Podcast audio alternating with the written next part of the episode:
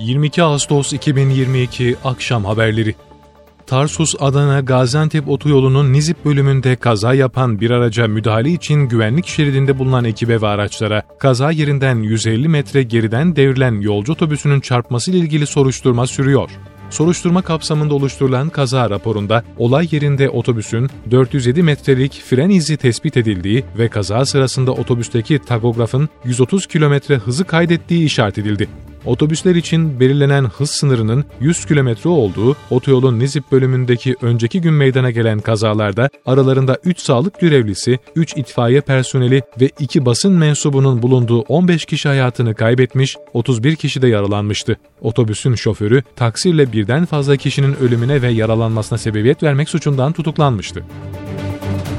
Muğla'nın Seydikemer ilçesinde arı kovanı yüklü kamyonla otomobilin çarpışması sonucu 5 kişi hayatını kaybetti, 2 kişi yaralandı. Kaza nedeniyle karayolunda ulaşım alternatif yollardan kontrol olarak sağlandı. Çevreye savrulan arı kovanları bölgeye çağrılan arıcılar yardımıyla toplandıktan sonra karayolu ulaşımı açıldı.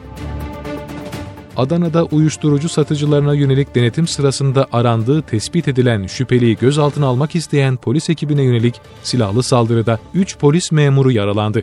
Durumun telsizle bildirilmesi üzerine olay yerine çok sayıda takviye ekip gönderildi. Yaralı polis memurları sağlık ekiplerince ambulanslarla kentteki hastanelere kaldırıldı. Tedavi altına alınan yaralıların durumlarının iyi olduğu öğrenildi. Suriye'nin kuzeyindeki Barış Pınarı bölgesine saldırı hazırlığındaki 3 PKK-YPG'li terörist etkisiz hale getirildi. Milli Savunma Bakanlığı'ndan yapılan açıklamada Türk Silahlı Kuvvetleri'nin teröristleri tespit ettikleri yerde etkisiz hale getirmeye devam ettiği vurgulanarak Barış Pınarı bölgesine saldırı hazırlığındaki 3 PKK-YPG'li terörist ateş destek vasıtalarıyla etkisiz hale getirildi bilgisine yer verildi. İstanbul Kartal'da denize giren vatandaşların ihbarının ardından dalgıçlar tarafından yeri belirlenen el bombası sualtı savunma komandolarınca etkisiz hale getirildi. İhbar üzerine olay yerine gelen polis ekipleri sahile güvenlik koridoru çekerek vatandaşları buradan uzaklaştırdı. Sahil Güvenlik Komutanlığı'na bağlı dalgıçlar ihbarın doğru olduğunu belirledikten sonra el bombasının yerini fotoğrafladı. Olay yerine sevk edilen SAS komandoları bombayı etkisiz hale getirdi.